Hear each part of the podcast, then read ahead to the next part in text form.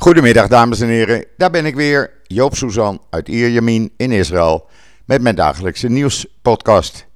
Ja, een nieuwe week, dus veel nieuws. Maar laten we eerst even met het weer beginnen, want ja, het is toch wel uitzonderlijk warm hoor. Het is 30 graden, dat was het gisteren ook. Blauwe lucht, strak blauwe lucht, geen wolkje te zien. Een briesje, later in de middag ja, wordt er een, voor een paar uur een wat steviger wind uh, uit het noordwesten, noorden verwacht. Maar het is gewoon fantastisch weer. Uh, S'nachts wordt het wel wat frisser. Vanmorgen om 6 uur was het zo'n 15 graden. Maar de temperaturen lopen snel op door de zon. En ja, het is gewoon heerlijk tot een uur of uh, half vijf wanneer de zon hier ondergaat. Voorlopig blijft het ook zo.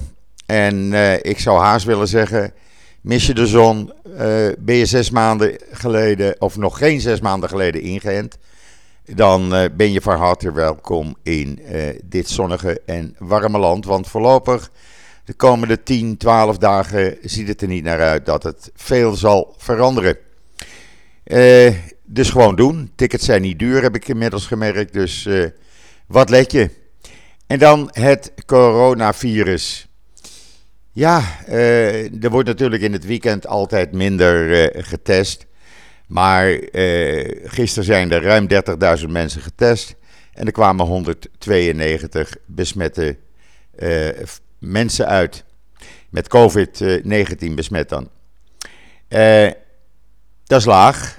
Vrijdag was het ietsjes meer.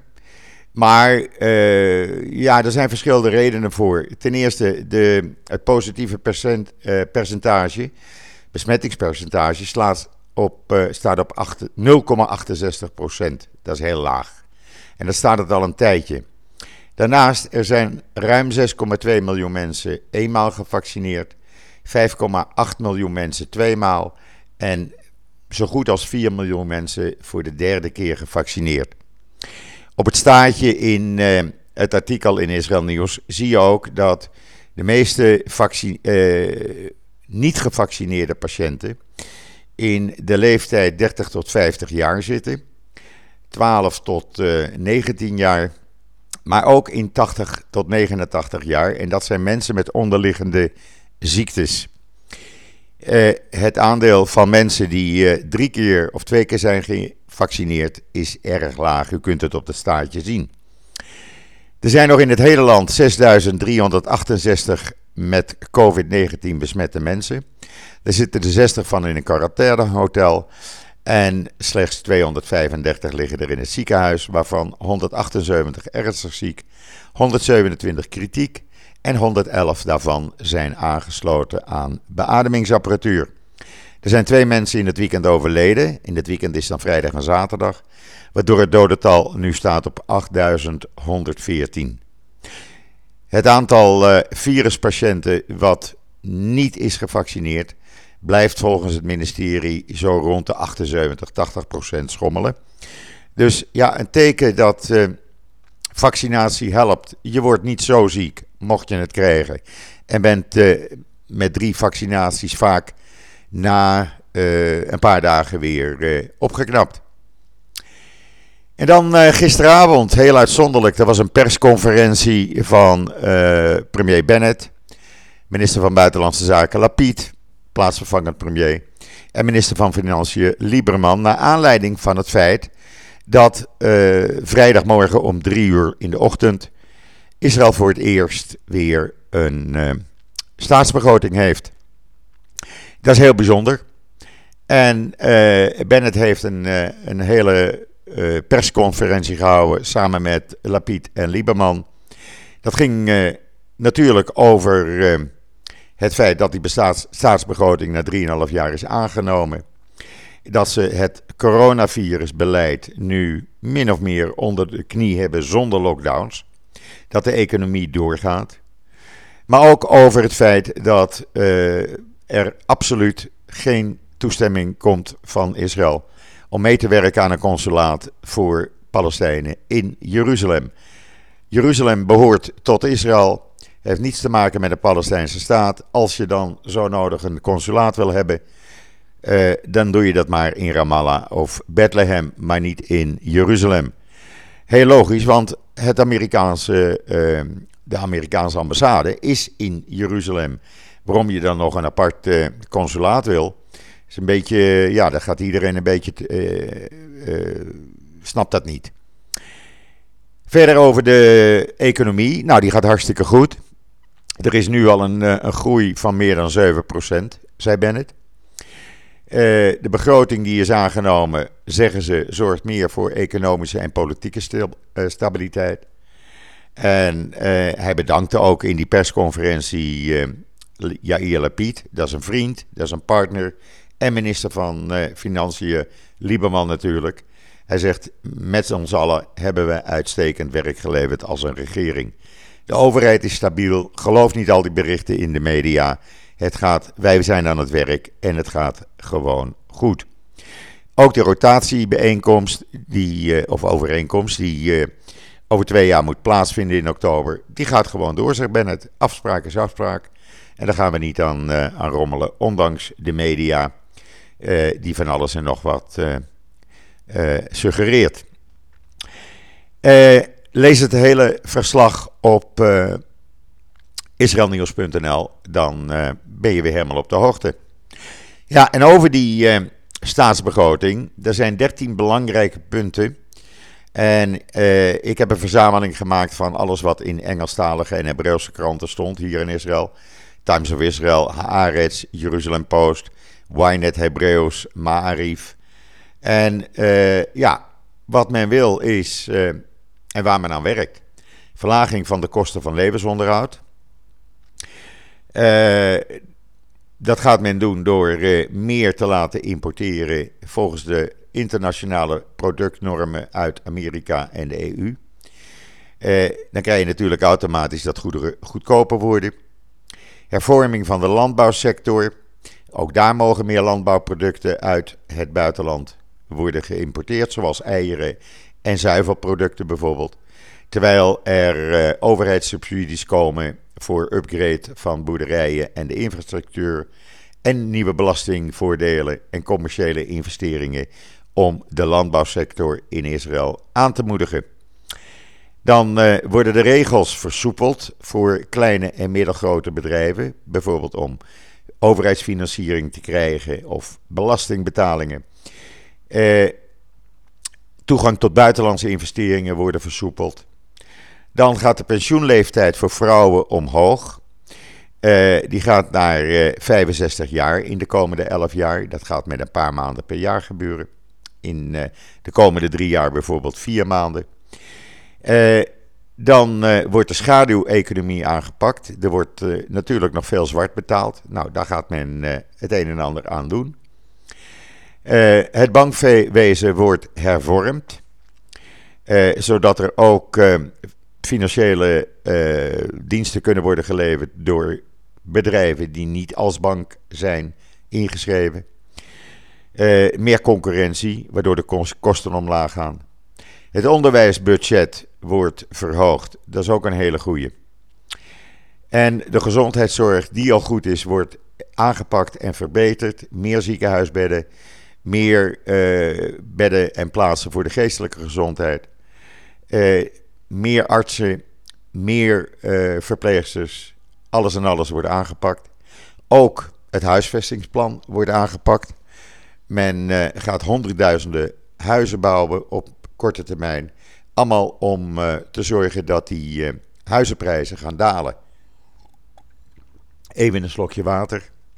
Dan wordt het openbaar vervoer eindelijk aangepakt en verbeterd om het autobezit te verminderen. Want ja, nu staat Israël het groot gedeelte van de dag gewoon in de file.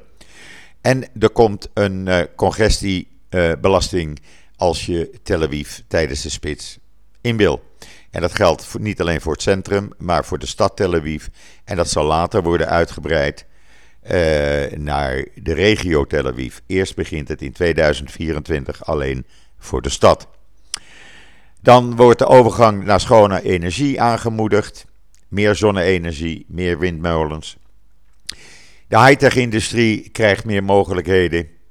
Uh, ook door uh, meer invoering van artificial intelligence, oftewel kunstmatige intelligentie. En wat heel belangrijk is en waardoor de prijzen gaan dalen, uh, het kasroet wordt aangepakt. De kosher certificering. Dat betekent dat ook privébedrijven die daarvoor goedgekeurd worden, kosher certificaten kunnen uh, afgeven. En het niet alleen maar de ultra-orthodoxe rabbijnen zijn. Dat, zegt men, gaat de prijzen behoorlijk naar beneden brengen. Nou, dat zal eens een keer tijd worden. Natuurlijk, de orthodoxie is hier absoluut niet mee, uh, mee eens. Die protesteren en die uh, noemt uh, deze hervormingen dat het niets met Jodendom te maken heeft en dat het door de Russen komt. omdat de Russen helemaal niet geloven in Israël. Nou, ze gaan er gang maar. men is bezig om het land nog beter te maken.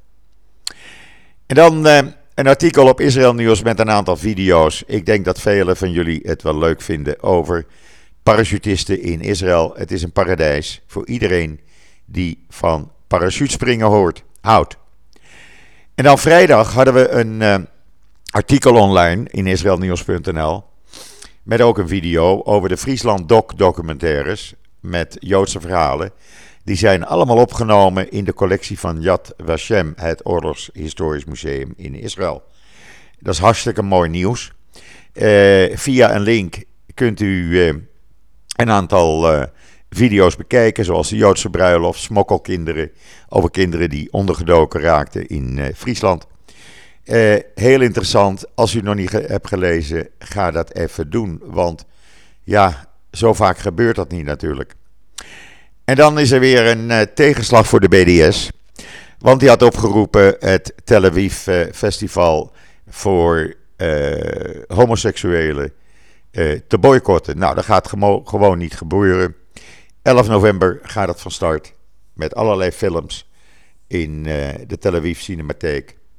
Er staat een heel artikel op mijn Twitterlijn. In ieder geval een tegenslag voor de BDS en een overwinning voor de eh, LGBTQ-community in Israël, oftewel de homoseksuele, lesbian, gay, biseksuele, transgender en intersex uh, gemeenschap in Israël. En zo hoort het ook. Vrijheid, blijheid. Ja, een paar weken geleden hadden we natuurlijk die rel over die Ierse dame, die schrijfster uh, Sally Roni. Die wou niet dat haar boeken in Israël in het Hebreeuws werden vertaald. Laat staan door een Israëlische uh, vertaler werden vertaald. En uitgegeven. Nou, uh, de twee belangrijkste boekhandels met honderden winkels in Israël, Steinmatsky en Tzomet Sefarim, die hebben gezegd: vanaf uh, nu stoppen wij met de verkoop van alle boeken van mevrouw Salironi. Ze bekijkt het maar. We plaatsen ze ook niet meer op de websites. En je kan ze ook niet meer in de winkels krijgen. Dat zijn er enkele honderden. En ze bekijkt het maar. Heel goed. Daar eh, sta ik helemaal achter. Ja, en nog even over dat Amerikaanse consulaat. De Amerikanen willen dat nou wel doordrukken. maar Bennett zegt, en Lapid zegt dat ook. We hebben dat aan Biden al een paar keer meegedeeld. Uh, doe dat maar in de Palestijnse gebieden, maar niet bij ons. Blijf niet langer zeuren. Dat raken we een beetje zat. En dan uh, heeft uh, Pfizer aangekondigd, jongsleden, vrijdag was dat, dat ze ook met een pil komen tegen ernstig ziek worden van COVID-19. Mocht je ernstig ziek zijn, krijg je die pil. En net zoals bij de pil van Merck, zou je dan binnen een paar dagen het ziekenhuis weer kunnen verlaten. Nou, dat is natuurlijk goed nieuws. Er zullen er ook minder mensen aan overlijden, zullen we maar zeggen. Uh, Israël behoort nog niet tot de 90 landen die uh, met Pfizer hierover praten. 90 landen zijn al in gesprek om die pil geleverd te krijgen. Israël gaat dat wel doen, zegt het uh, ministerie van Volksgezondheid. Maar we zijn ook bezig, zegt men, met een eigen pil die in december op de markt moet komen. En die het ook goed doet tot nu toe voor 100%. Dus uh, we, we doen het rustig aan met Pfizer. En voorlopig houden we even alleen de vaccinaties. En uh, zullen we later op een uh, tijdstip binnenkort met Pfizer en Merck in gesprek gaan. Ja, en dan was het gisteren ondanks dat het zo mooi weer was, het was fantastisch weer eigenlijk. Daar kom ik zo meteen nog wel even op. In 24 uur, van vrijdagmiddag tot zaterdagavond, 11 mensen omgekomen bij verkeersongelukken. Ja, het is niet te geloven. Uh, mensen op elektrische fietsen, uh, auto's die tegen elkaar aanknalden. een 18-jarige autobestuurder die zomaar vol inreed op een man die voor de Ironman competitie aan het oefenen was op zijn wielrenfiets. Ja, hij heeft zich later wel aangemeld. Maar er zijn tot nu toe al 312 mensen omgekomen in het verkeer. Terwijl het over heel uh, 2020 302 waren. Dus we komen aardig in de buurt van het record van 2019. Dat was toen 349 en het gaat die richting uit, is men bang voor. Ja, en dan heeft de uh, Israëlische marine gisteren op, uh, in vol daglicht, vlakbij het drukke strand van Eilat, op een uh, verdacht iets, men zegt niet wat, iets drijvends in zee geschoten. En gezorgd dat dat gevaar geweken was. Er zit een filmpje op mijn Twitter-account hiervan. men zegt niet wat het was. Je kan op dat filmpje duidelijk iets zien drijven ja, het is onschadelijk gemaakt, zullen we maar zeggen. En dan was er uh, het beroemde Royal Court Theater in Engeland. Die biedt excuses aan nu. Voor het feit dat ze in een uh, toneelstuk. Uh, een, een miljonair, een karakter van een miljonair, hebben veranderd in een Joods karakter. En met een Joodse naam. Nou, daar was helemaal geen reden toe. Dat hadden ze zelf gedaan. En ze bieden nu hun oprechte excuses aan. Nou, nou, nou, nou, nou. Doe dat dan niet, zou ik zeggen. En dan uh, heeft Cyprus zes mannen aangeklaagd voor een uh, mogelijke terreuraanval tegen Israëli's op Cyprus. Ze zijn allemaal gepakt. Ze hebben Russische banden, Azerbeidzjan. Uh, en die waren, er zitten ook drie Pakistanis bij. En die wilde dus gewoon even Israëli's vermoorden op Cyprus. En dan uh, Shas, die heeft het wel heel moeilijk dat ze niet meer in de regering zitten. Want een van de leidende Shas-rabbijnen, die zegt, uh, spreek het over Lieberman, uh, de minister van Financiën, die natuurlijk uit Rusland ooit is gekomen naar Israël. Dat, dat is een hervormingsjood. En die preekt alleen maar voor zijn eigen gemeenschap. En die heeft helemaal geen Joodse waarde. Want uit Rusland, in Rusland zijn, is geen uh, religie meer. En dat zijn allemaal tetters. Ja, het blijft moeilijk om niet meer aan de macht te zijn. Ik weet het. Maar in ieder geval, we hebben geen last meer van deze mensen. Want voorlopig staan ze buitenspel. Er wordt ook veel gesproken over Netanyahu. Gaat hij aftreden? Gaat hij niet aftreden?